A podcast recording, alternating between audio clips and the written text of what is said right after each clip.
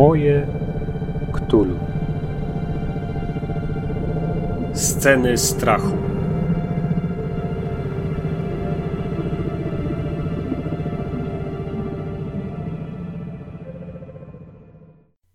Cześć, jestem Kacper i witam Was w podcaście Moje Ktulu. Moje Ktulu to podcast dla graczy i strażników tajemnic, którzy chcą poszerzyć i pogłębić wymiar nadnaturalnej grozy na swoich sesjach w Zewktulu RPG. Wiele inspiracji i informacji znajdą tu też miłośnicy innych ktulowych RPGów, karcianek, gier planszowych i komputerowych, a także Lovecraftowskiej prozy i twórczości jego naśladowców. Na wstępie oczywiście rozstrzygnięcie konkursu sprzed dwóch tygodni, pierwszego konkursu karnawałowego – Muszę powiedzieć, że zaskoczyliście mnie naprawdę świetnymi propozycjami miejsc w Polsce związanych z mitami Hastura.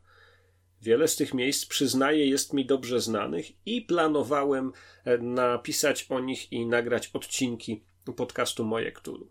Myślę tu o hali stulecia we Wrocławiu, czy o ośrodku praktyk teatralnych w Gardzienicach koło Lublina. Konkurencja była więc, widzicie, bardzo, bardzo wyrównana – Musiałem przyjąć jakieś dodatkowe kryterium i postanowiłem, że wybiorę odpowiedź spośród tych, których nie mam jeszcze rozpisanych na przyszłe odcinki. Jest mi więc bardzo miło ogłosić zwycięzcę. Nagrodę, podręcznik Samotnie przeciwko ciemności Zniweczenie triumfu lodu, sponsorowaną przez Blank Monk Games, wydawcę polskiego wydania Zewuktulu, wygrywa Adrian Wilczek, który zgłosił nam Jezioro Maltańskie i związany z nim festiwal teatralny Malta w Poznaniu. W swoją odpowiedź wplótł sporo kulturoznawczego bełkociku, który też przypadł mi do gustu, zwłaszcza odniesienia do Pascala Kiniarda. Tak czy inaczej, gratuluję Adrianie. Nagrodę prześlę pocztą. Dzisiejszy odcinek przygotowałem dla Was w związku ze zbliżającym się wznowieniem na scenie Teatru Nowego w Warszawie spektaklu Zewktulu w reżyserii Michała Borczucha. To przedstawienie miało swoją premierę dwa lata temu i spotkało się w fandomie a nawet wśród recenzentów teatralnych z niejednoznacznym przyjęciem. Mnie jednak ono się podobało i dlatego chciałbym przeciwstawić niektórym niepochlebnym opiniom e, swoistą przeciwwagę. W tej audycji znajdzie się więc moja własna recenzja tego spektaklu oraz rozmowa z reżyserem.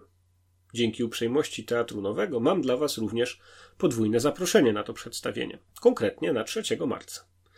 Jeśli w tym terminie możecie być w Warszawie, warto spróbować. Aby otrzymać zaproszenie, trzeba wziąć udział w krótkim, prostym konkursie. Tradycyjnie odpowiedź należy podać e, w komentarzu pod postem facebookowym e, na fanpage'u Moje Ktulu albo jako komentarz e, na stronie mojektulu.pl. Oto i pytanie. Która z postaci historycznych XX wieku wydaje ci się najbardziej skutecznym, a przy tym najmniej oczywistym agentem wielkich przedwiecznych? Odpowiedź należy uzasadnić. Na odpowiedzi czekam tylko do niedzieli 24 lutego do północy. Wybiorę i zwycięzcę ogłoszę niezwłocznie potem w poniedziałek rano. Także w poniedziałek rano obserwujcie Twittera, obserwujcie stronę i obserwujcie e, Facebooka, zależnie od tego, gdzie chcecie e, się tego dowiedzieć, bo już w poniedziałek rano, już 25 lutego będzie informacja o tym, kto wygrał podwójne zaproszenie do Warszawskiego Teatru Nowego na Zewktulu w reżyserii Michała Borczucha. Poza recenzją, w dzisiejszej audycji oczywiście głównym elementem jest e, rozmowa z Michałem Borczuchem, reżyserem teatralnym, twórcą tego przedstawienia. Mam też dla Was tradycyjnie fragment literacki, mam garść newsów i mam mały fragment muzyczny. Tym razem jest to utwór zespołu Loboloko. Jest to twórca niemiecki pod tytułem Deeply Dungeon. Piosenka z jego albumu Over Midnight. Taki mamy na dziś jadłospis. Myślę, że nie ma co zwlekać. Scena strachu. Zaczynamy. Newsy.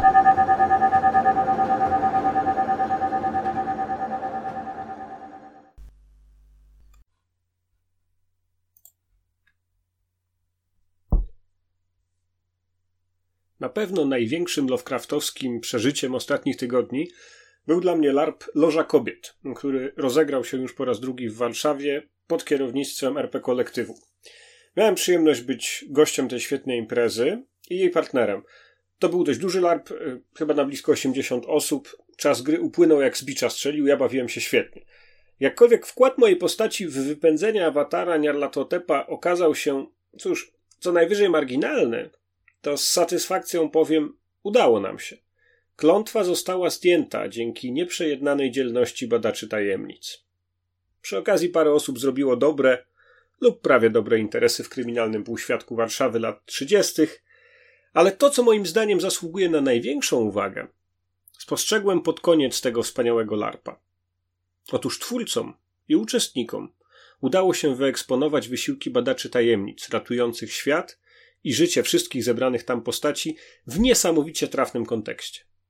Podczas bowiem, gdy garstka bohaterów zmagała się z głównym wątkiem, z tym wątkiem związanym z mitami Ktulu, próbując poskładać elementy układanki, większość ludzi dookoła prawie że nie zdawała sobie sprawy z tego, co się dzieje. Mało kto im pomagał. Większość była zbyt zajęta swoimi małymi biznesami i celami. Do samego końca los ich misji był niepewny, a niektórzy z uratowanych pewnie do samego końca nie wiedzieli, co się właściwie dzieje i co z tym należy zrobić. Sama prawda o losie badaczy tajemnic. Jeśli chcecie śledzić kolejne wydarzenia produkowane przez ekipę RP Kolektywu, to znajdziecie ich na Facebooku. Przygotowują teraz LARPA w Pałacu Lasotów w podwarszawskich Zielonkach. Dwa wydania. Zapowiada się ostra polityczna walka o władzę. Tematem tego LARPA, który akurat tym razem nie jest związany z mitami Cthulhu, będą em, frakcyjne, polityczne intrygi i walki w Hadecji włoskiej mm, w latach 90. E, ubiegłego stulecia. Co z nowości? Golden Goblin Press już niebawem wprowadzi na Kickstartera swój nowy projekt wydawniczy. An Inner Darkness. Jest to, zgodnie z zapowiedziami, zbiór scenariuszy w klasycznej epoce dwudziestolecia. Przy projekcie pracują m.in. takie sławy jak Scott David Aniolowski, a tymczasem z okazji walentynek na stronie Golden Goblina pokazał się darmowy dodatek do Cthulhu Invictus Rituals of Eternal Mother. Możecie bezpłatnie pobrać. Wiemy coraz więcej o zawartości drugiego wydania Harlem Unbound, nad którym pracuje teraz Chaosium. W podręczniku Chrisa Spiviego znajdzie się aż siedem przygód do Zewu Cthulhu. W większości będą to przygody rozgrywające się w Harlemie w latach dwudziestych, ale również w czasach kolonialnych, kiedy Nowy Jork nazywał się Nowym Amsterdamem. Co do Chaosium to ogłoszono też nową rozpiskę ktulowych scenariuszy na konwenty, które będą prezentowane przez najbliższe dwa lata. Dam wam znać, jeśli będzie można już je poznać i pobrać. Duży wysyp scenariuszy w Miskatonic Repository. Mamy od mojej ostatniej audycji, czyli na przestrzeni ostatnich dwóch tygodni, cztery nowe publikacje. Pierwsza z nich to The Solo Investigator's Handbook. I jest to pozycja dość ciekawa, intrygująca, zwłaszcza dla tych spośród Was, którzy teraz bawią się e, samotnie przeciwko ciemności. Otóż jest to podręcznik przygotowany przez ludzi, którzy głównie zajmują się adaptacjami scenariuszy do dedeków, tak żeby dawały się rozegrać przez pojedynczego gracza, po prostu solo. I tutaj oni przygotowali taki poradnik, w jaki sposób można sobie wykreować przygody ktulowe do rozgrywania właśnie indywidualnie. No jest to pewna ciekawostka. Poza tym mamy jeszcze trzy ciekawe pozycje. Jedna z nich to Voyage of Terror, scenariusz rozgrywający się na pokładzie transatlantyku. No ja nie wiem, szczerze mówiąc, czy jest to w stanie pobić starą przygodę Podróż do Grecji, która ukazała się w labiryncie bodaj trzecim albo czwartym w połowie lat 90. E, ale mm, mamy tutaj między innymi e, przekrój e, takiego statku i, sporo informacji mm, dotyczących tego, jak te podróże wyglądały. Nie jedyne miejsce, gdzie można to znaleźć, ale taka pozycja też się pojawiła. Mamy When the Light Goes Out, czyli scenariusz zlokalizowany w starej latarni morskiej, która jest przeznaczona do remontu, ale ten remont odkrywa tam pewne niepokojące i przerażające zaszłości i relikty. I mamy wreszcie czwarty czwartą książkę, e, która się w ostatnich tygodniach ukazała w Miskatonic Repository Cinematic Environs Desert Wastes. I tutaj jest to z kolei podręcznik e, taki też dość szczególny, specyficzny, bo Jest to książeczka pomagająca w przygotowaniu się do prowadzenia przygód ktulowych na pustyniach. No, czyli na przykład może być to fajne uzupełnienie do podręcznika o Maroku, który wam recenzowałem, albo do mm, również różnych przygód w, na Bliskim Wschodzie w latach dwudziestych, na przykład w Iraku. Jest fajna przygoda Pancerne Anioły, w dodatku przerażające podróże, która o tym traktuje. No i wszystkie przygody rozgrywające się w Egipcie praktycznie mogą mieć swoje odgałęzienia pustynne, więc dla tych strażników tajemnic, którzy przygotowują się do prowadzenia tego typu scenariuszy, a chcieliby wzbogacić swoją narrację, przygotować się do bardziej takiego kinowego zarysowania z wielkim rozmachem scenograficznym tego otoczenia, w którym znajdą się badacze tajemnic, no to e, chyba właśnie świetnie ten podręcznik będzie się nadawał. On kosztuje e, niecałe 5 dolarów. I to chyba od Chaosium wszystko jak na teraz. Natomiast e, sporo dzieje się ostatnio w Polsce, bo tydzień temu w Walentynki miała swoją premierę polska edycja trzeciej generacji gry planszowej Horror Warkham, którą wydała oczywiście Galacta. Myślę, że wrócimy do tego tematu. Przed Bożym Narodzeniem z Jarguzem yy, siedzieliśmy tutaj i nagrywaliśmy dla Was poradnik po planszówkach, przewodnik zakupowy, w którym oczywiście odnosiliśmy się do, do horrorów z Arkham, ale jeszcze nie do trzeciego polskiego wydania. Myślę, że na pewno wrócimy do tematu, bo wiem, że jest to gra bardzo popularna, specjalnie mnie to nie dziwi. E, poza planszówkami mamy ciekawe e, informacje dla miłośników komiksów, bo pewną nową publikację szykuje wydawnictwo Egmont, gigant rynku komiksowego w Polsce. Wedle zapowiedzi Egmont planuje w kwietniu wydać po polsku dwa dzieła duetu Moore i Burroughs. No, Mora to nie trzeba przedstawiać, jeden z najsłynniejszych twórców komiksów. E, Egmont ma zamiar wydać Neonomicon i Providence. Dwa komiksy e, klasyczne, kanoniczne, mm, jeśli chodzi o Lovecraftowskie e, książeczki. Ten drugi, Providence, jest mi bardzo dobrze znany z lektury Neonomikonu, całego akurat nie przeczytałem. Były skądinąd kiedyś już zapowiedzi wydania po polsku Neonomikonu przez wydawnictwo Fantasmagoria z Białego Stoku, ale ostatecznie nic z tego nie wyszło, a, a Fantasmagorie nie wiem, czy w ogóle jeszcze istnieją. Jakoś tak się złożyło, że nie wspominałem wam e, nigdy chyba o nowościach tulowych na polskim YouTubie. E, spróbuję to teraz nadrobić wobec tego i w mijającym miesiącu mam do zaraportowania cztery kanały, na których coś ciekawego się działo.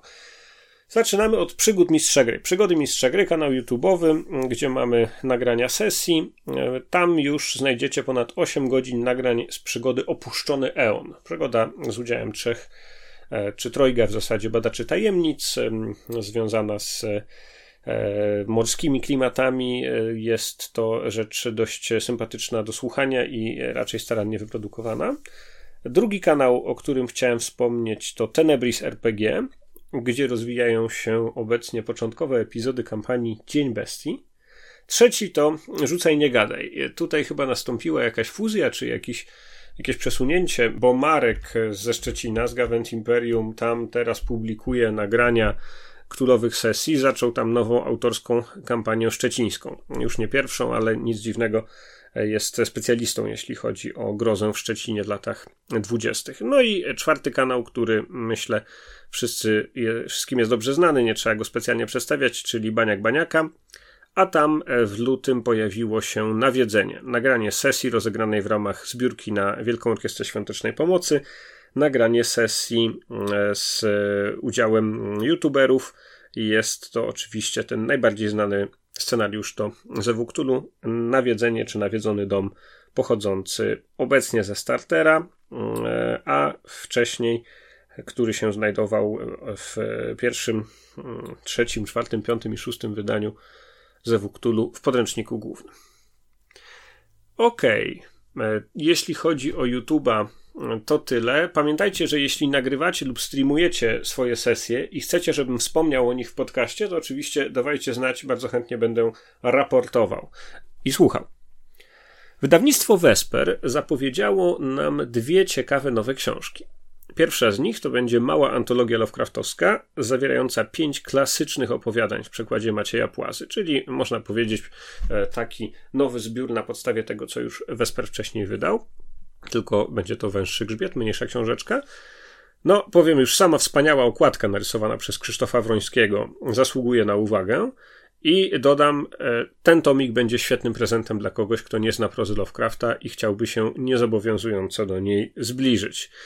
Druga zapowiedź wydawnicza Vespera to jest z kolei coś szczególnie mi miłego. Otóż, jak się dowiadujemy, w planach na drugi kwartał jest wydanie Zewu Cthulhu, znowu to samo opowiadanie, ale ilustrowanego przez wspaniałego francuskiego ilustratora François Barangera, który już dwa lata temu podbił Facebooka swoimi pięknymi obrazami, a kolejne jego ktulowe projekty gromadzą coraz więcej fanów. To, że Zew Cthulhu z jego ilustracjami ukaże się po polsku, to będzie prawdziwa uczta. Nie mogę się doczekać. Kto natomiast chciałby zaopatrzyć się w anglojęzyczne wydanie, a jest jeszcze francuskojęzyczne, greckie i hiszpańskie, niech zajrzy po angielski na Kickstartera.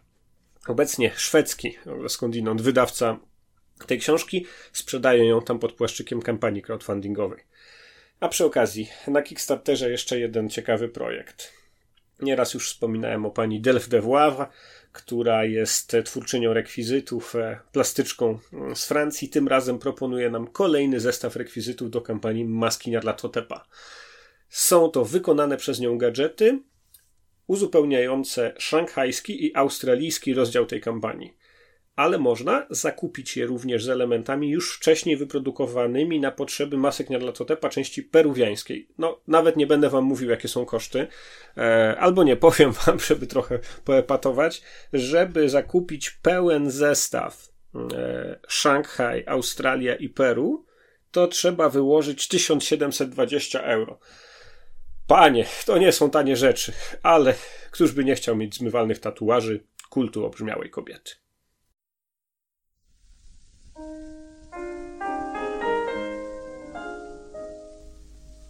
Cthulhu w Polsce.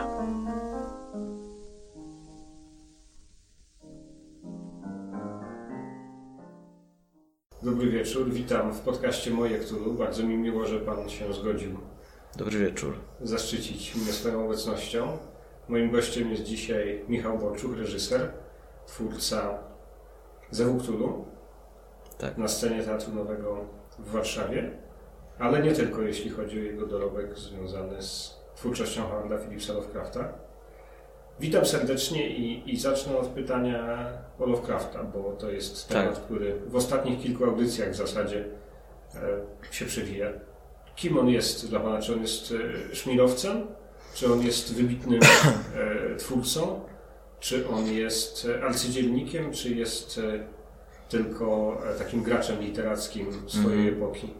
Znaczy ja na pewno nie jestem w ogóle takim, takim czytelnikiem Lovecrafta, który go jakoś namiętnie czyta. Ja, ja się spotkałem z Lovecraftem tak naprawdę dwa razy. Pierwszy raz to było faktycznie y, Pierwszy raz to było, y, znaczy drugi raz to było przy, przy okazji spektaklu. Pierwszy raz to było jakieś, nie wiem, tak 10 lat wcześniej przy okazji eseju Welbecka i wtedy to był taki tak naprawdę dla mnie moment y, pierwszego, pierwszego kontaktu z Lovecraftem. Znaczy, za, zacząłem czytać jego opowiadania i. Yy, ale to był, jakiś taki, to był jakiś taki moment. Przeczytałem te opowiadania, one gdzieś mi zostały, zostały w głowie. Yy, nie wracałem do nich. Nie, wra, nie wracałem do nich. Potem Ale się... jakie to było wrażenie? Yy no, e, fantazja. To nie jest w ogóle, to znaczy to nie było w ogóle takie, e, to, to w ogóle nie było w tych kategoriach. Aha. E, to było bardzo silne wrażenie niepokoju podczas czytania, takiego niepokoju, który mm, wciąga i każe czytać dalej. Czyli w gruncie rzeczy takie dość pierwotne, dziecięce uczucie, prawda? Mm-hmm. E, e, coś, coś, coś bardzo gęstego, tak jak u Poego, którego też w pewnym okresie czytałem du, dużo wcześniej.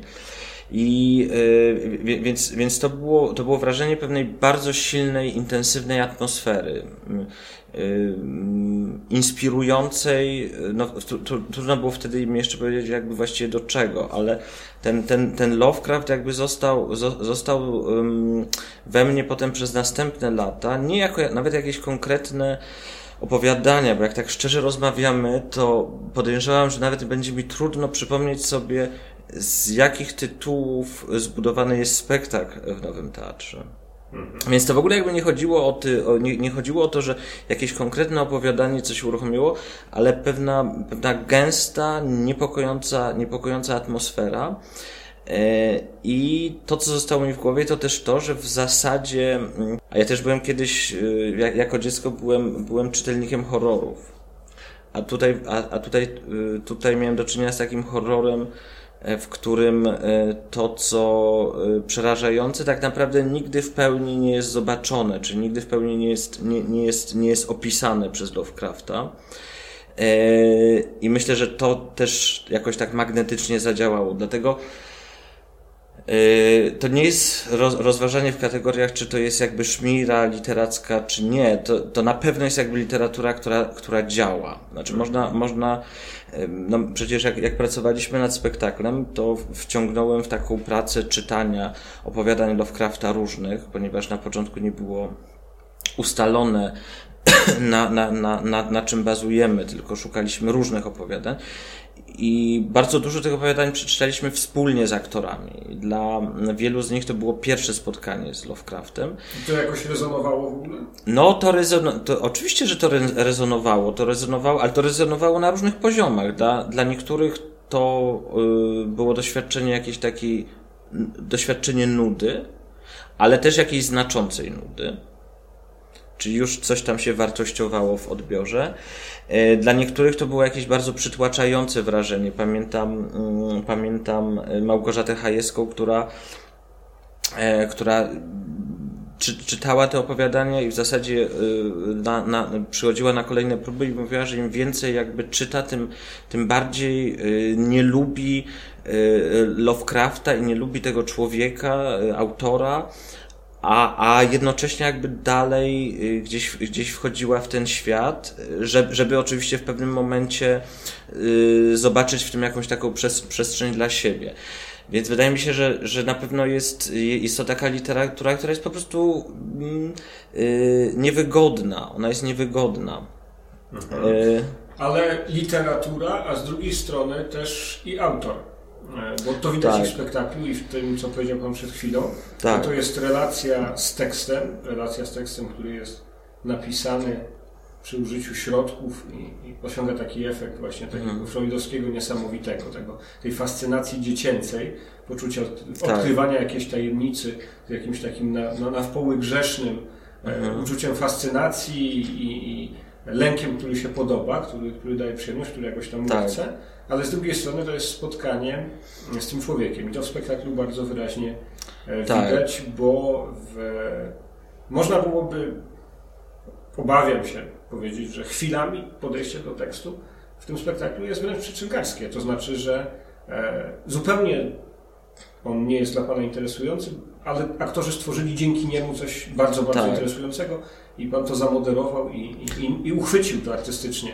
Ale mm, to znaczy, byłoby, za chwilę możemy... to byłoby krzywdzące. Też ja, ja, tak uważam, że to, że to byłaby przesada. Natomiast chciałbym skupić się przez chwilę na mhm. tej osobie, tak? na tym Lovecraftie, o którym Pan przed tak, chwilą tak. powiedział. Że z jednej strony jest jego literatura, ale w sumie czytacie jego w tym, w tej No tak, no, no, no, tak, no bo też wracając tak jeszcze na moment do tych tak. prób, w pewnym momencie też okazało się, że yy, yy, co, co ja, ja, rozumiem, że, że jakby dla, dla, dla fanów to, to może być za, za, zabrzmieć, za, zabrzmieć yy, e, niefajnie, ale, ale, yy, ale jest to szczere, że, że w, pewnym, w pewnym momencie yy, mieliśmy takie wrażenie, że te wszystkie opowiadania zlewają się w jedno, że w zasadzie nie ma, nie ma trochę znaczenia yy, jakiś taki plot, plot fabularny do końca, że to, że to nie jest aż tak istotne, ważniejsze jest jakieś takie napięcie wewnętrzne w tym, w tym tekście, w tej historii.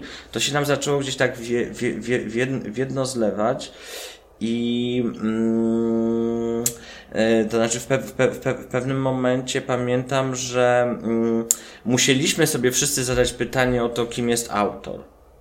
Znaczy, skoro, skoro powstaje coś tak dziwnego, coś, coś tak gęstego, gęstego y, z takim też wy, wy, wyraźnie jakimś y, przerysowanym, groteskowym światem mm, bogów, jakich, jakich stworzył Lovecraft, tak, tak, to, tak to odbieraliśmy to po prostu w naturalny sposób zaczął nas interesować, kim jest, y, kim jest ten autor, kim jest ten facet.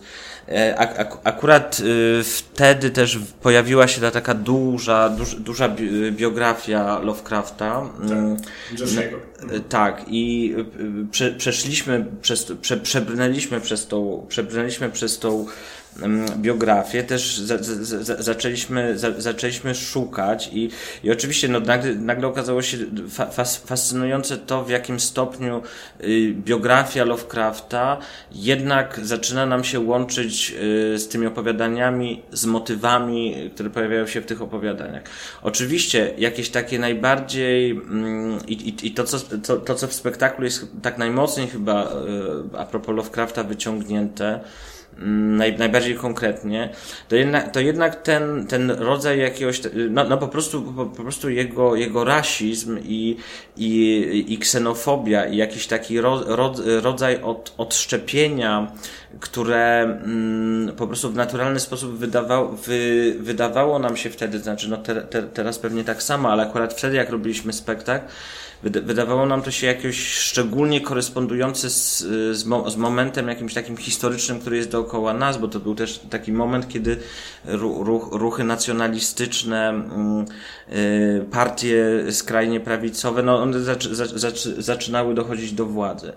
I wtedy się zaczę, zaczęliśmy przyglądać temu Lovecraftowi, mm, wi, wi, widząc w nim właśnie tego, wi, widząc w nim y, tego ksenofoba i widząc w nim y, rasistę. Mhm. E, cho, choć oczywiście ja, ja jestem daleki od tego w innych swoich spektaklach e, tak samo, jestem daleki od takiego jednoznacznego określania kogoś, bo wydaje mi się, że z tego nic e, specjalnego nie wynika, zwłaszcza E, zwłaszcza w takiej sztuce, jaką robię. Mm, więc e, też jakby gdzieś próbujemy tego Lovecrafta, mm, zanim jakby dojdziemy do tego jego rasizmu i ksenofobii, próbujemy go zobaczyć jako jakiegoś takiego człowieka odszczepionego od społeczeństwa. Być może przez właśnie przez chorobę, przez chorobę, przez, przez jakąś taką też fizyczną ułomność i tak dalej, i tak dalej.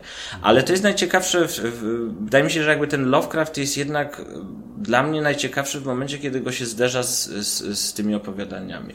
Że jednak to się, to, to, to się uzupełnia, to się dopełnia, powstają pewne konteksty, no właśnie, no właśnie na przykład kontekst rasizmu, nad którym tak trudno przejść do porządku dziennego czytając te opowiadania co bynajmniej jakby nie powoduje, że te opowiadania są jakieś, yy, mają słabszą moc działania, wprost przeciwnie, że one nagle gdzieś ta groza, która w nich jest, jakaś groza często właśnie jakby przeczuta, a nie, a nie opisana, staje się jeszcze bardziej jakaś taka dotkliwa. Mhm. Czyli tak, jest ta ścieżka Welbeckowska.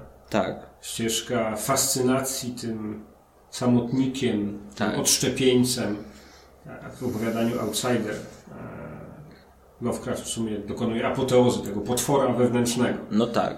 E, jest druga ścieżka, ta ścieżka związana z e, nienawiścią, ksenofobią, uprzedzeniami, mm. które się w bardzo cywilizowany i wytworny sposób materializują w tak. tej literaturze, patrząc na to z perspektywy nie historycznej, tylko czytając to tak, mm. poddając się tej emocji poszukiwaniu tej tajemnicy, no to, to mhm. zaczyna się robić trochę nieprzyjemne mm, po paru tekstach, które są, powtarzają te schematy w zasadzie w sposób no, już męczący i, niemożliwy do zaakceptowania, tak, no bo tu wieśniacy są e, głupi i e, kazirodczy i e, wsobni, tu murzyni i mulaci e, Tak. są e, kultystami. No tak, w zasadzie jakby każdy, kto przy, przy, Tak. przy, przybędzie do tego, y, do, do, do miasta Lovecrafta z Tak. zewnątrz, jest, jest od, ra, od razu kimś podejrzanym i od, od razu kimś, kto, kogo on opisuje dość bezwzględnie. Tak, a, a, a trzecia droga, Mhm. o której powiedział Pan przed chwilą, to jest jednak droga tej grozy, to znaczy jakiegoś przerażenia, które musi się jednak brać z uświadomienia sobie jakiejś nieadekwatności Mhm. tego, co się postrzega, albo tego, co się przeżywa, Mhm. z tym, na co się jest przygotowanym. Czyli jednak konfrontacja samego siebie Tak. i tym tropem, w moich oczach, e, Pan podążył w tym e, No. spektaklu, e, pracując z aktorami, przygotowując te, mm, można powiedzieć, sceny, czy te fragmenty spektaklu, które są owocem pracy na próbach i, Mhm. i jakimś takim e, wyimprowizowanym, po prostu rezultatem pracy reżysera z aktorami Mhm. e, tej na poziomie tekstu i tej dramatycznej, to chyba to jest e, dominujące. Ja to tak przynajmniej postrzegam, że właśnie ten wątek spotkania siebie z rzeczywistością, który rodzi grozę, niezależnie od tego, czy ja jestem e, białym e, samotnikiem z Providence, czy ja jestem kimś, kto musi się odnaleźć tu i teraz w tej rzeczywistości wcale nieprzyjaznej i w ogóle w rzeczywistości, która jest z definicji nieprzyjazna i, i, i obca e, nam. No, y, na, na tym, o, tak, na tym, na tym polegała adaptacja tej literatury dla, dla teatru, bo też każdy, kto czytał choć jedno opowiadanie y, Lovecrafta, też y, od, od razu zauważy, że w zasadzie w, właśnie to, o czym my tutaj zaczęliśmy rozmawiać na, na początku, czyli ta atmosfera z Lovecrafta, ten niepokój i tak dalej, że jednak w większości, a zwłaszcza w tych, w tych, w tych najlepszych opowiadaniach, to nie wynika z jakiejś y, dynamicznej, nie wiem, fabuły, dialogów, y, to, nie, to nie wynika z dynamicznej akcji.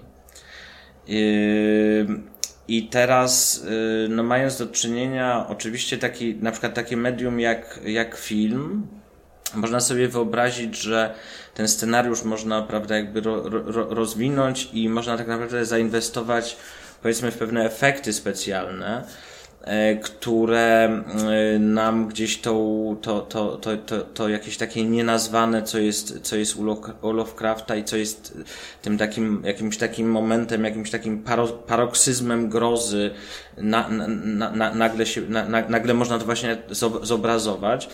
Teraz, y, mm, no ale, ale problem się pojawia, jak, y, jak, jak przenieść y, te, ten, ten, ten rodzaj opowieści i budowania świata do teatru. Y, No jakby wiadomo, że no, no, mo- no, można było jakby pójść w stronę takiej, takiego jakiegoś teatru, fantazy czy te, science fiction. No jak wiadomo, to się akurat w teatrze to się niestety po prostu nie sprawdza. Y, Albo, albo przynajmniej bardzo trudno to, to, to, to osiągnąć, albo wyna, wy, wymaga to też du, du, dużego budżetu. Natomiast to, co mi się wydawało w ogóle jakby ciekawsze y, po, po, po jakichś takich pierwszych y, ym, próbach z aktorami i, i, i w takim obserwowaniu jak, jakiegoś ich czytania tych tekstów, y, ym, to, to jednak jakby cieka, ciekawsza wydała mi się ta droga takiej, y, jak, jak, zaadapt, za- jak zaadaptować na scenę ten, y, to poczucie y, niepokoju i grozy. Czyli jak, za, czyli jak zaadaptować na scenę pewną atmosferę, pewien stan, pewną kondycję, a nie, do, a nie pewną historię. I dlatego jakby pracując teraz nad, nad, nad tą adaptacją, y, stopniowo, choć w przypadku tak naprawdę każdej sceny w tym spektaklu, każda, każda scena w spektaklu Zew Cthulhu w Nowym Teatrze opiera się na jakimś opowiadaniu Lovecrafta. Natomiast stopniowo odchodziliśmy od tego mm, opowiadania, w zależności od tego, w którą stronę intuicja aktorska i też aktorskie im- improwizacje się posunęły, odchodziliśmy bardziej lub mniej, ale za każdym razem to y, punktem wyjścia było opowiadanie Lovecrafta i punktem takim jakimś docelowym y, szukanie tego niepokoju w sobie, w, konfronta- w konfrontacji z czymś bardzo realnym, czasem z czymś bardzo prywatnym, z czymś intymnym. I w ten sposób powstał, pow, powstał ten spektakl, czy ta adaptacja, więc, więc yy, yy, to jest taka, ta, taka ja, ja, nazywam to w ten, w ten sposób, że jest to próba zaadoptowania tak naprawdę tego, tego strachu, tego lęku, który tam jest. Nie, nie, nie, histor, nie historii, które poszczególne opowiadania przynoszą, tylko przede wszystkim tego strachu i lęku. A sam materiał literacki jest bardziej taką twórczą przeszkodą, która ma umożliwić rozwinięcie tego procesu twórczego we współpracy reżysera z aktorami? Bodźcem. Jest, bodźcem. Jest, jest, jest istotnym bodźcem. Znaczy nawet w momencie, kiedy ktoś z aktorów mówił, że on już tego nie może czytać, że, że tego po prostu nudzi. To jest jakby też naturalne, że ktoś może w, to, w, to, w, tą, w tą literaturę w ogóle nie wejść. To jest oczywiste. No ale nawet jeżeli ktoś miał taki, taki, taki jakieś zniechęcenie, taki sprzeciw, jednak pracowaliśmy nad tym, żeby znaleźć w tym zniechęceniu, w tym sprzeciwie też jakby je, jednak coś, co uruchomi, uruchomi to połączenie z Lovecraftem. Mhm. Nie było to pierwsze pańskie spotkanie z Lovecraftem. Wcześniej w Narodowym Teatrze Starym była ta gra teatralno-radiowa. Ja powiem panu więcej. Tak naprawdę teraz mi się przypomniała taka rzecz, że tak naprawdę mm, to spotkanie w zasadzie było trzecim spotkaniem z Lovecraftem bo y, pi, pi, pi, pierwszy raz, pierwszy raz y, mm, jakby pier, pierwsze spotkanie było takim spotkaniem nie, niezrealizowanym, y, kiedy robiliśmy taki projekt w ramach Wielkopolska Rewolucja, projekt z, z dziećmi z domu dziecka w Szamocinie.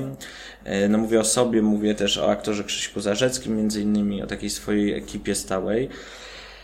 E, jak, jak jechaliśmy do tych dzieci do Szamocina, to jechaliśmy z taką właśnie, z taką, z taką, no, taką, taką prze, przekorny, takim prze, przekorną koncepcją, że zrobimy właśnie z nimi zew Ktulu. Że, że damy tym dzieciom, e, to, opowiemy to opowiadanie, trochę przeczytamy i spróbujemy z nimi e, wejść w tą historię w jakiś taki naiwny sposób, żeby też jakby zobaczyć, co, co, co w tym opowiadaniu jest, co nas tak jakoś fascynuje, bo, bo Krzyśka Zarzeckiego też ten Lovecraft fa, fa, fa, fascynuje. Okazało się, że kompletnie, kompletnie nie udało nam się, mm, nie udało nam się po prostu dzieci y, przekonać do tego. To, to była znaczy... metoda dramowa, larpowa, teatru improwizowanego. Co mieliście panowie? My mieliśmy, Jak mieliście plan? No, no mieliśmy, tak, mieliśmy taki plan, mieliśmy taki bardzo, bardzo naiwny plan. Bo, bo byliśmy przekonani, że po prostu przyjedziemy do tych dzieci, a weźmy pod uwagę, że to są dzieci, które nie mają żadnych, żadnego kółka teatralnego, żadnych predyspozycji. e, odkrytych aktorskich, ale liczyliśmy na to, że przyjedziemy do tych dzieci, opowiemy im taką, taką, takie opowiadanie, no i że one teraz jakby zafascynują się światem po prostu potworów i, i grozy i, i, i tajemnicy, i że zaczną uruchamiać wyobraźnię i zaczną te e, potwory e, z Lovecrafta rysować, malować, tworzyć, robić jakieś opowieścionie kompletnie ich to, kompletnie ich to nie, nie, nie interesowało. To oczywiście się wiązało też jeszcze z czymś tam innym, jednak ze specyfiką tej grupy y, dzieci z domu dziecka, co tak naprawdę dopiero w tej pracy odkryliśmy, bo potem już do nich co, co, co, co roku wracaliśmy z zupełnie innymi projektami. Ale to było takie pierwsze, to było takie pierwsze podejście do, do, do Lovecrafta. Pamiętam, że, że jechaliśmy tam do tego Szamocina mm, z podręcznikiem do, do RPG na bazie, na bazie, e, no nie pamiętam czego tam już konkretnie, a chyba po prostu na, na bazie właśnie z, z, Zewu Ktulu. To, to, to nie wyszło. I potem, po, potem yy, wróciliśmy do tego pomysłu też z Krzyśkiem Zarzeckim właśnie w Starym Teatrze. Krzy, Krzysiek wtedy no, był, kuratorował takie, takiemu cyklowi audycji radiowych e, na żywo e, w, w, w Starym Teatrze. E, wtedy pracowałem nad tym zewem z, z Marcinem Cecko i wtedy my się skupiliśmy faktycznie tylko i wyłącznie na tym, na tym, na tym zewie. Tylko mm, idea całej, całej, całej tej, całego tego projektu była taka, żeby e, współpracować z dźwiękiem i z muzyką. To znaczy, żeby faktycznie jakby robiąc to słuchowisko na żywo, też trochę myśleć o takim e, akustycznym, czy, no, czy wręcz jakby o jakiejś, jakiejś koncertowej formie tego. więc my tak naprawdę się wtedy dużo, pamiętam, bawiliśmy, mm, bawiliśmy dźwiękiem, to znaczy te wszystkie, wszystkie motywy, tak naprawdę na pierwszym planie e, były te wszystkie mm, e, e, mm, sceny, no, no, nocne sceny kultu, odgłosy, zamieszki, czyli to, co... Mm, co to instrumentarium dźwiękowe radiowego teatru wyobraźni, tak? Tak, tak. Efekty praktyczne, dźwiękowe i, i ta, ta no, fakt fascynująca strona tak. słuchowiska czy, czy, czy, czy teatru radiowego. Wtedy jeszcze pamiętam, że jakby tak specjalnie nie, nie, nie, nie, nie, nie wchodziliśmy właśnie w jakąś, y, nie, nie, nie szukaliśmy jakiejś psychologii tego, raczej interesowało nam, jak w ogóle ten, ten taki, ta, jak takie opowiadanie teraz dźwiękowo uruchomić, znaczy co tam po prostu słychać, nie? czy słychać czy słychać właśnie zamieszki, czy słychać jakieś, jakieś po prostu bębny, czy słychać gwizdki policyjne, czy, czy w końcu jakby słychać potwora, a jeśli tak, to, pod, pod, to, to, to co to znaczy? Oczywiście jakby mówię potwora, oczywiście chodzi tam o, o, o Ktulu, tak? Mhm. Mówiąc o e, Szamocinie, wspomina Pan o RPG. Tak. Czyli to był pomysł czy ma Pan jakieś e, no to, na tej? Mm, no, a, a, akurat nigdy, nigdy yy, nie, nie, nie, grałem w, w, RPG wcześniej, w, RPG na podstawie Lovecrafta. E, ale to Krzysiek Zarzecki to RPG przyniósł. Z, z, zresztą, Mar, zresztą to było też książka pożyczona od Marcina Cecko, więc, więc jakby to było, który, który też w to RPG grał, który zresztą też jakby był Lovecraftem zafascynowany. I no nie, nie, ja, ja, ja nie grałem, ja nie grałem nigdy w, w RPG mm, aż tyle, a zwłaszcza nie grałem w RPG y, na podstawie Lovecrafta. Mhm. Wracając do warszawskiego spektaklu. Mm, rozumiejąc teraz i wiedząc więcej o tym, jak on powstawał i w jakim stopniu wychodząc od tekstu, czasem pozostając bliżej niego, tak. płaszczyźnie dialogu na płaszczyźnie sceny, a czasami od, odchodząc w stronę jakichś osobistych, intymnych, czy politycznych, czy e, innych poszukiwań tak. aktorów. Chciałbym zapytać, w którym punkcie e, to się zatrzymało. To znaczy, mamy bardzo różnorodny, jeśli chodzi o język teatralny, e, spektakl. Mhm. On nie jest homogeniczny, jest produkcyjnie nawet zupełnie mhm. zróżnicowany od takich monodramowych mhm. E, form przez e, takie no, klasy kostiumowe, tak. adaptacje sceniczne tekstu, tak, w przypadku koloru z, z innego wszechświata, czy koloru z przestworzy. Mhm. Skąd Pan wiedział, w którym punkcie e, się zatrzymać? To znaczy, kiedy to dojrzało do tego, żeby znaleźć się już w spektaklu?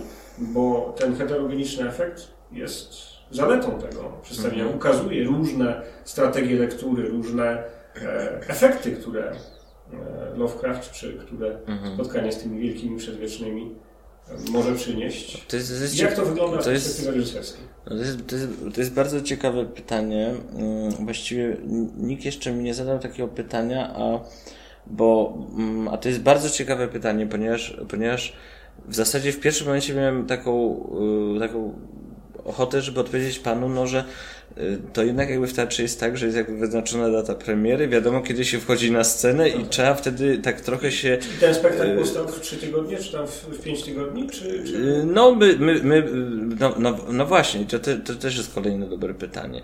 Tylko teraz jakby jeszcze, jeszcze do tego pierwszego, to znaczy można powiedzieć, że jakby tak te, technicznie rzecz biorąc, no, no to jest taki moment, kiedy na, nawet w pewnych takich poszukiwaniach bo, bo tutaj tego scenariusza nie było na początku, on, on powstawał na próbach, e, pracowaliśmy przed, e, przez, e, przez dwa miesiące nad tym, ale faktycznie no jest w pewnym momencie w, teatrze taki moment, że się wchodzi na scenę i, i, i, prawda jest taka, że, że już coś trzeba, powiedzmy tam dwa tygodnie przed premierą i coś już trzeba mieć, żeby, żeby na tej scenie zrobić żeby spektakl, tak. żeby to wyprodukować. Ale faktycznie to pytanie, kiedy faktycznie jakby wiedziałem, że już coś tam jest, że ten proces się zatrzymał, jest, jest, bardzo, jest bardzo ciekawe, ponieważ tutaj był, ponieważ tutaj weszliśmy dwa tygodnie przed premierą na scenę, mając bardzo luźno, ma, mając bardzo luźno po prostu zarysowane pewne, pewne rzeczy.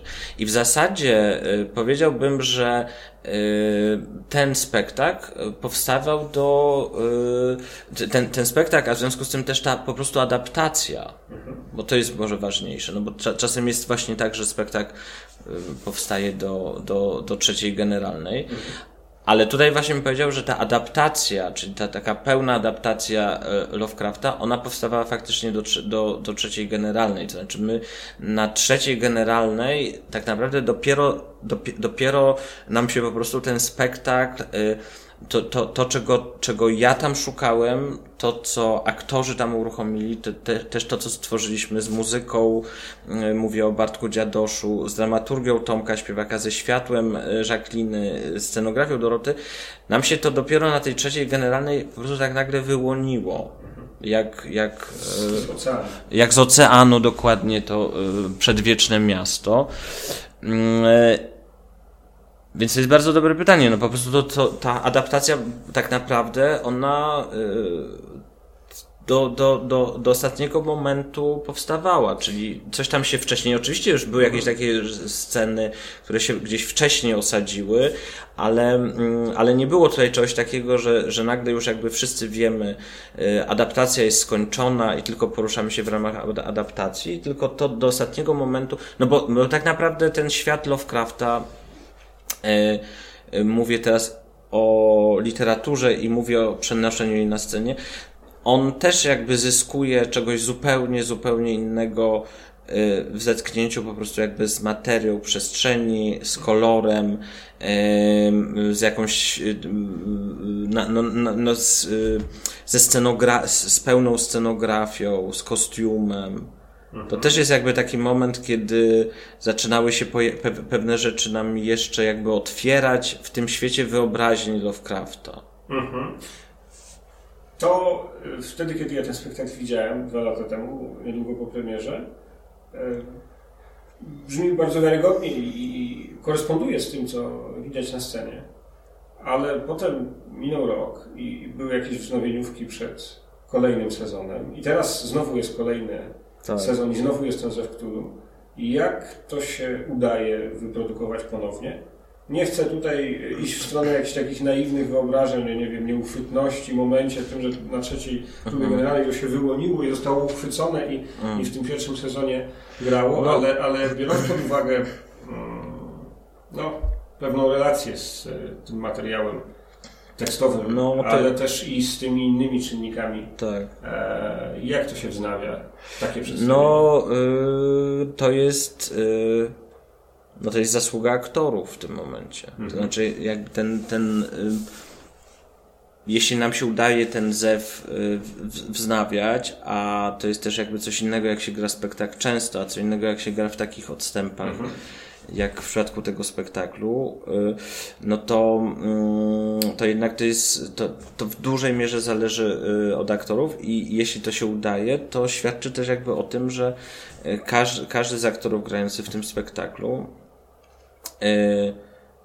no znalazł w tym coś dla siebie i mhm. po prostu to czuje i to wie i wchodząc, wchodząc na scenę w momencie próby wznowieniowej, E, czasem coś można, czasem coś można zapomnieć, ale mm, wystarczy, no, dlatego też na przykład ja jestem na, na próbach wznowieniowych, żeby jakby patrzeć z zewnątrz na to, co, co się dzieje, bo czasem jakby jedna uwaga powoduje, że nagle yy, przypomina się w zasadzie wszystko.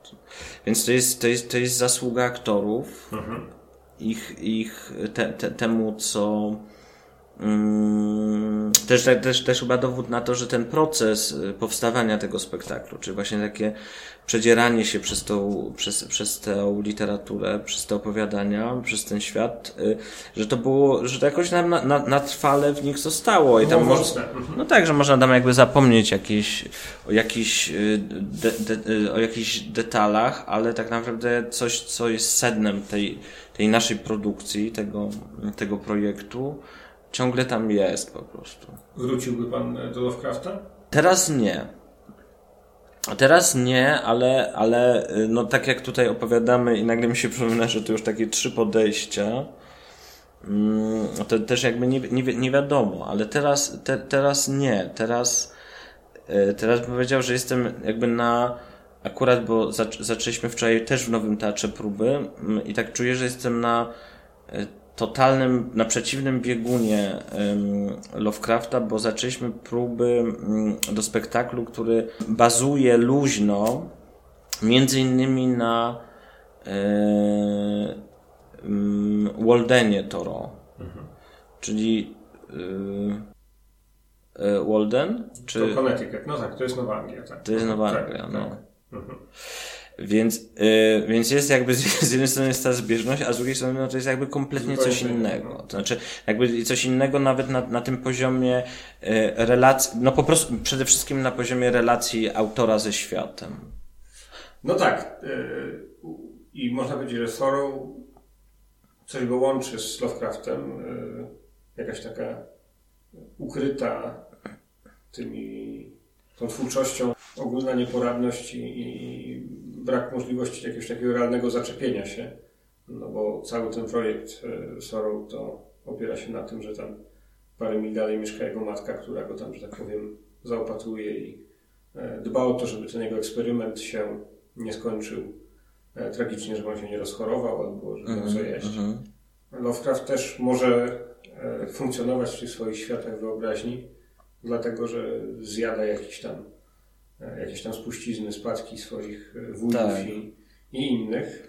E, Mają stworzone, chociaż specjalnie tym nie epatują i tego nie podkreślają, mają stworzone, można powiedzieć, cieplarniane warunki, to znaczy mają możliwość zajmowania się grozą i, i, i jakiejś tam introspekcji i, i wyobrażenia sobie tych swoich bohaterów i snucia tych historii, czy, czy w wypadku Foro tworzenia jakiegoś programu życiowo Tak. praktyczno-filozoficznego. E, w, e, rzeczywiście geograficznie zbliżonych miejscach, e, na dwóch biegunach rzeczywiście, no bo dla Lovecrafta no to Nowa Anglia jest nową Anglią. On sam mówi Tak, sobie, tak. że jest Brytyjczykiem. Podkreśla te, te europejskie korzenie, jakąś tam degenerację, Tak. Thoreau z drugą stronę, tak? Tak. Ale, ale Szuka łączności z tym, z tym stawem, z tym miejscem, z tym Tak. lasem. Znaczy właśnie to jest jakby ta, ta przepraszam, bo to jest, bo to jest ta zasadnicza ró- różnica, że y, ja bym to nazwał tak, że y, Lo- Lo- Lovecraft, przecież jakby też, też y, Welbeck o tym zwraca na to uwagę, że jednak ta groza y, u Lovecrafta jest bardzo materialna. Znaczy świat jest jakby materialny, realny, ale nagle jest jakieś przesunięcie, w którym jakaś szczelina, w którym, z której wy, wy, wypływa, wycieka ta groza.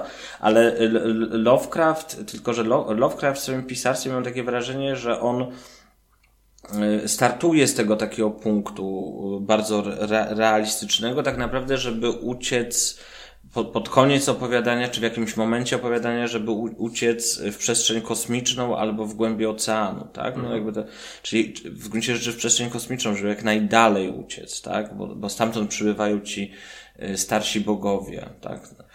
Mm, Starzy bogowie.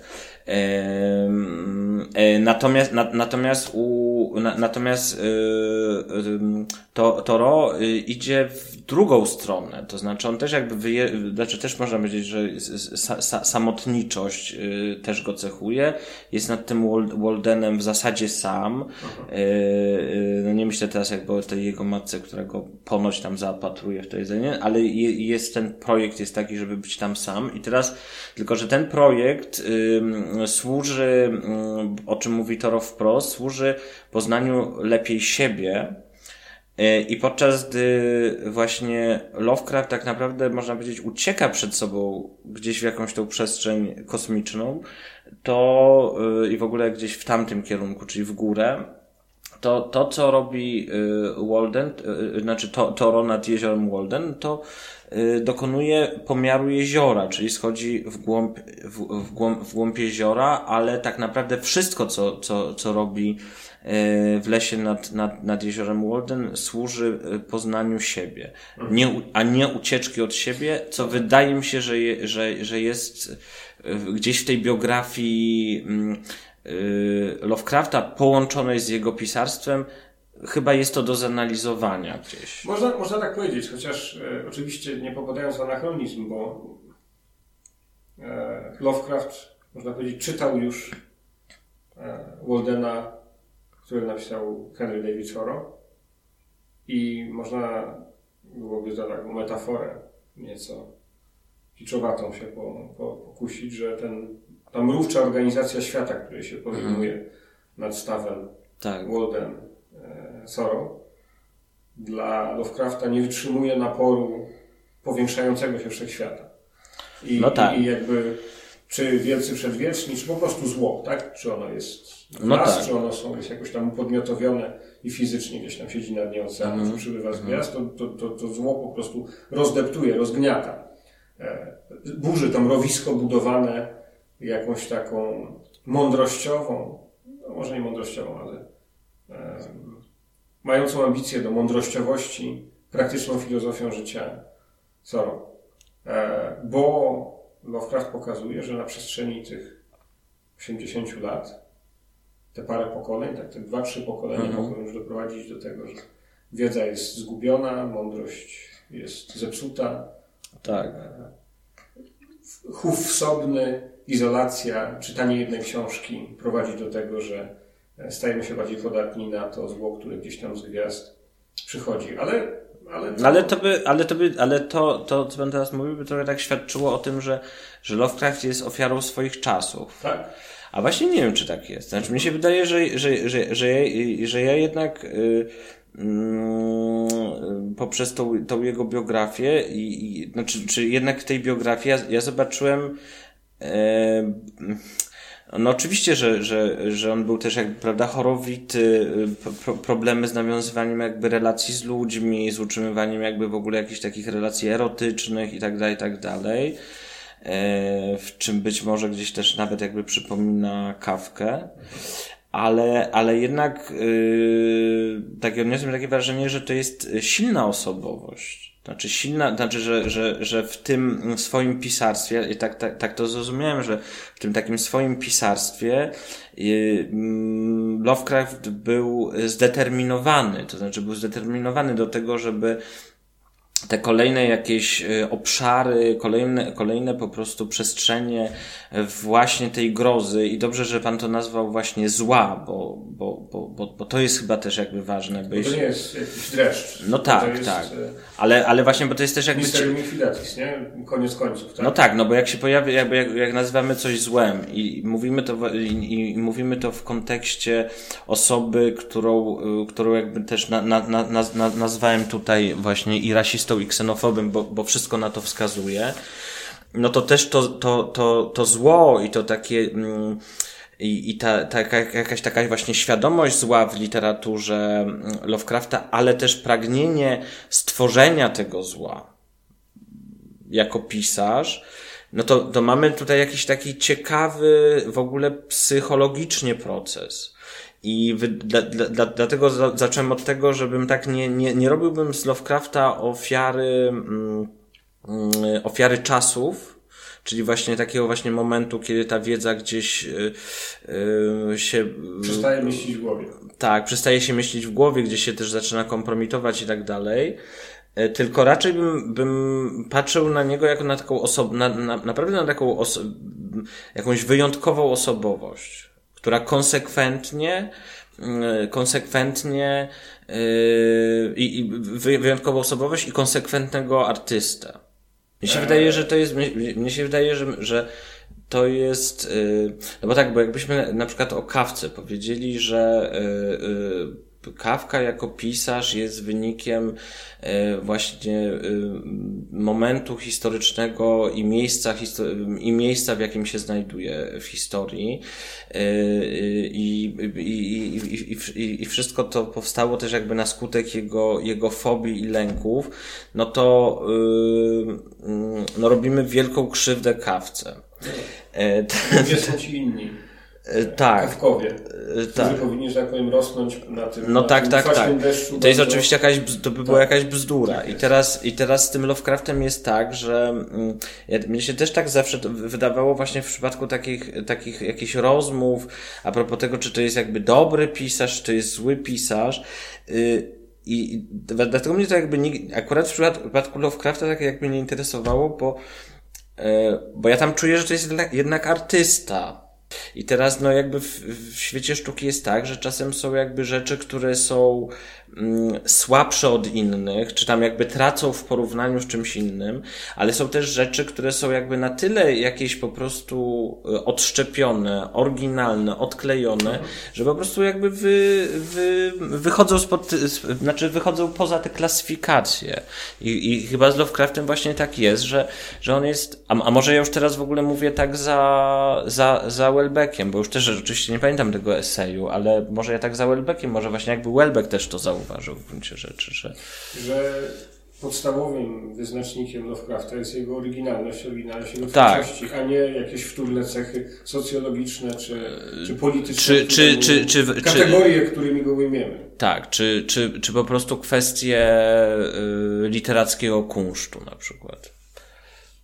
Bardzo dziękuję. Dobra, dziękuję.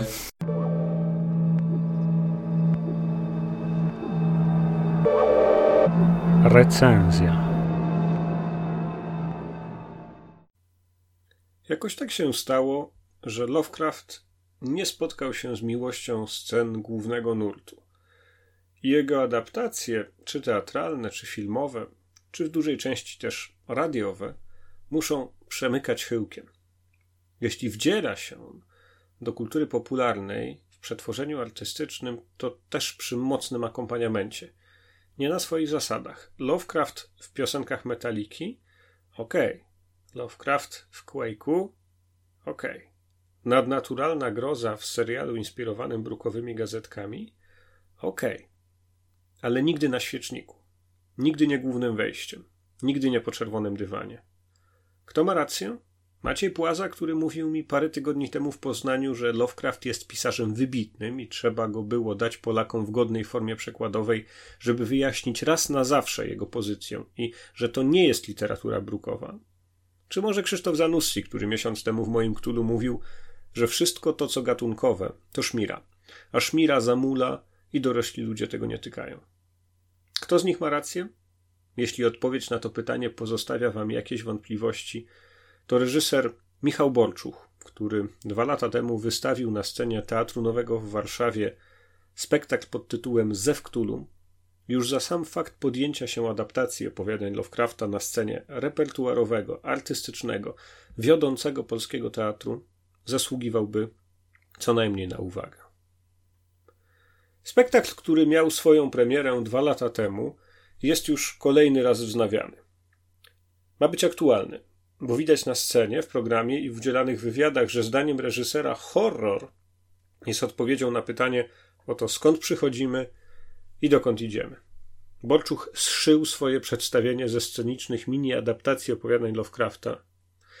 Dopisał do tego mm, pewne fragmenty we współpracy ze swoim dramaturgiem, domontował mm, też improwizacje aktorskie przygotowane w procesie powstawania tego przedstawienia. I w efekcie jest to spektakl, moim zdaniem, bardzo RPGowy. Jest to teatr gra, w którym zmiany konwencji, nowe rozdania kart postaci są kluczowym elementem zabawy. Poszczególne zadania aktorskie i improwizatorskie są zresztą wykonywane przez znakomitą obsadę w sposób wzorowy. Mówię tu przede wszystkim o scenicznych wcieleniach Jacka Poniedziałka, Małgorzaty Hajewskiej, Zygmunta Malanowicza i Krzysztofa Zarzeckiego ale aktorów w tym spektaklu na scenie widzimy dużo więcej. Koncepty scenograficzne elastyczność sceny, na przykład w epizodzie, w którym bohater przez krótkofalówkę komunikuje się ze znajomymi, którzy animują mu takiego niby larpa, wtedy aktor przebywa na zewnątrz, nawet w niektórych scenach na zewnątrz teatru i na żywo oglądamy go e, z kamery. Do tego projekcje e, wideo, ciekawa praca kostiumograficzna. To wszystko definiuje postrzeganą przez widzów konwencję tego przedstawienia. I sprawdza się dobrze. I zachowuje odpowiedni dystans, zarówno od gumowych potworów, jak i od zbędnej umowności, rapsodyczności. Podkreśla mm, oprawa tego spektaklu, jego różne elementy artystyczne, że opowiadania Lovecrafta gdzieś się dzieją realnie. Ktoś w nich naprawdę doświadcza straszliwych objawień, ktoś naprawdę szaleje ze strachu, a to wszystko nie jest jakąś przypowieścią o ludzkim losie, tylko relacją z linii frontu, gdzie trwa walka o człowieczeństwo – a właściwie rzecz biorąc, skazana na porażkę walka ze strachem, z obawą, czy to człowieczeństwo to jest w ogóle coś godnego zaufania.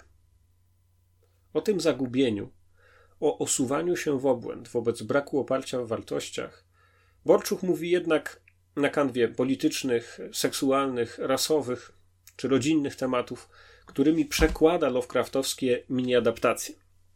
Te krótkie sceny, wypracowane wspólnie z aktorami, dają spektaklowi ciekawy ruch wahadłowy. Od macek z pianki, horroru z gumy, w kierunku tego, czego boimy się najbardziej.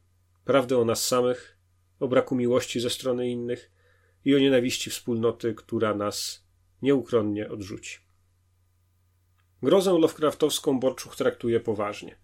Nawet jeśli wywołuje u widowni śmiech, to pokazuje, że ucieleśnienie zła w postaci potworów z kosmosu nie organizuje nam wcale świata w jakiś znośny i przytulny sposób. Kiedy bowiem zagrożenie istotami mitów znika z pola widzenia, my musimy nadal mierzyć się z ich analogami z wnętrza naszej duszy. A ziarno rozpaczy, które zostało zasiane przez kosmiczną grozę, kiełkuje w naszych domach, w naszych relacjach, wreszcie w naszych sprawach wspólnych. To, że poczynaniami polityków Prawa i Sprawiedliwości w przedstawieniu Bolczucha kieruje Azatot, co odkrywa u niego badaczka tajemnic profesor Jadwiga Staniszkis, a nie zakulisowe przelewy oligarchów, po prostu odarcie zła z wszelkiego pozoru i ze złudzeń. Zostaje tylko pierwotny strach, niemy krzyk, rozczarowanie. Tabu, tożsamość, więzy pokrewieństwa czy cywilizacja rozsypują się jak domek z kart. Zostawiają nas bezdomnymi. A jak nie chcesz się żegnać, to okazuje się, że musisz się pożegnać. Spektakl, gdyby było parę minut krótszy, nie straciłby wiele. W drugiej części przedstawienia niektóre wątki słabiej angażują uwagę widza i stąd ta moja uwaga. Ale różnorodność i wielogłosowość, które są jego zaletami, tracą wtedy właśnie na tym. Napięcie między grozą a lękiem osobistym i jeszcze analogicznymi doświadczeniami wspólnoty, które Borczuch tak świetnie rozgrywa przez większość przedstawienia, powiedzmy ostatniej jego ćwiartce słabnie. Siła przedwiecznych e, oddziaływa tam słabiej. A przecież jeśli ich wpływ i grozę choć trochę zrelatywizujemy, jeśli przestaje ona fascynować nas w sposób, który światła nadjeżdżającego bezlitośnie samochodu fascynują sarnę na drodze, to nie ma już mowy o panowaniu nad naszą wyobraźnią. I to jest, można powiedzieć, problem tego spektaklu, jego słabsza strona. Zachęcam was mimo tego. Zobaczcie Zew Cthulhu w Teatrze Nowym sami. Jeśli was znudzi lub zniesmaczy, będziecie mogli zwalić na mnie. A jeśli choć przez chwilę poczujecie się wciągnięci w rozmowę o strachu, przed sobą samym, przed otoczeniem, przed zmianami, które mogą nastąpić, to będziecie wiedzieli, dlaczego z czystym sumieniem wystawiam mu w szkolnej skali ocenę 4.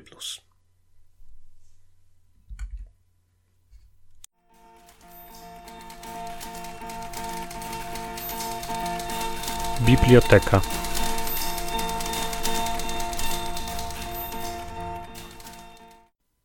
Howard Phillips Lovecraft. Zabicie potwora. Wspólnie z Robertem H. Barlowem. Przełożył Radosław Jarosiński. Wielki zgiełk rozległ się w Laen, gdyż nad smoczymi wzgórzami zauważono dym. Ani chybi oznaczało to przebudzenie potwora potwora plującego lawą, który wijąc się w trzewiach ziemi, sprawiał, że ta aż cała się trzęsła. Wtedy mieszkańcy Laenu radzili, że trzeba ubić potwora, by jego płonący oddech nie wypalił obsypanego minaretami miasta i nie rozbił alabastrowych kopów. Zatem cała setka niepozornych ludków, przyświecając sobie pochodniami, przygotowywała się do walki ze złym w jego kryjówce. Wraz z nastaniem nocy, krocząc w nierównych szeregach, rozpoczęli marsz do stóp gór, zalanych księżycowym światłem. Przed nimi, wyraźnie widoczny w purpurowym zmroku, lśnił płonący obłok, wiodący ich do celu. By zadośćuczynić prawdzie, trzeba nadmienić, że zdążyli podupaść na duchu na długo, nim zdołali w ogóle dostrzec wroga. A gdyś księżyc zmętniał i jaskrawe chmury obwieściły nadejście poranka, pragnęli bardziej niż kiedykolwiek znaleźć się w domu, nie bacząc na jakiegoś tam smoka. Ale wraz ze wschodem słońca, dodając sobie nieśmiało ani muszu okrzykami, wznieśli włócznie i raźno poczęli pokonywać ostatni odcinek drogi. Chmury siarkowego dymu zawisły niczym całun nad światem, zasnuwając nawet słońce, które dopiero co zdążyło wzejść, a gniewne sapanie z paszczy potwora cały czas uzupełniało opary. Małe języki wygłodniałego ognia podpędzały lańczyków drogą przez rozgrzane kamienie. Ale gdzie jest smok? szepnął z obawą jeden z nich, mając nadzieję, że gad nie potraktuje pytania jako zaproszenia. Nadaremno szukali. Nie znaleźli nic konkretnego, co byłoby można ubić. Zatem, zarzuciwszy broń na ramię, ze znużeniem wrócili do domów i postawili tam kamienną tablicę z wyrytym z tej okazji napisem. Dzielni obywatele Laen, prześladowani przez ognistego potwora, zebrali się i ubili go w jego przerażającej jaskini, ratując kraj przed straszliwą zagładą. Trudno było odczytać te słowa, kiedy odkopaliśmy kamień z głębokich, prastarych warstw zastygłej lawy.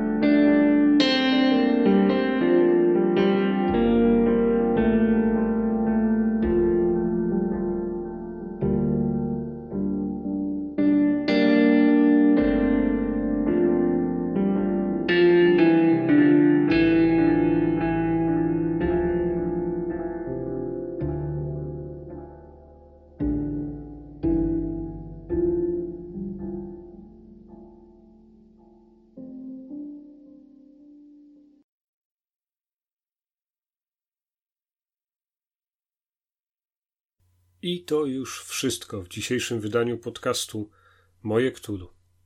Zachęcam Was do subskrybowania go na platformie, której lubicie używać do słuchania podcastów. Możecie słuchać mojego Ktulu na stronie www.mojektulu.pl. Możecie słuchać go na Google Podcast, na iTunes, na Blueberry oraz na wielu innych platformach podcastowych, w tym na SoundCloudzie. Subskrybujcie i nie zapominajcie o drugim konkursie karnawałowym, który trwa. Dla przypomnienia, do wygrania podwójne zaproszenie na spektakl Zew Cthulhu 3 marca w Teatrze Nowym w Warszawie. Dziękuję Wam za uwagę. Zapraszam i zachęcam do przesyłania pytań, sugestii, propozycji. A na dziś żegnam się z Wami i pozdrawiam z ostępów Izabelińskiej Puszczy.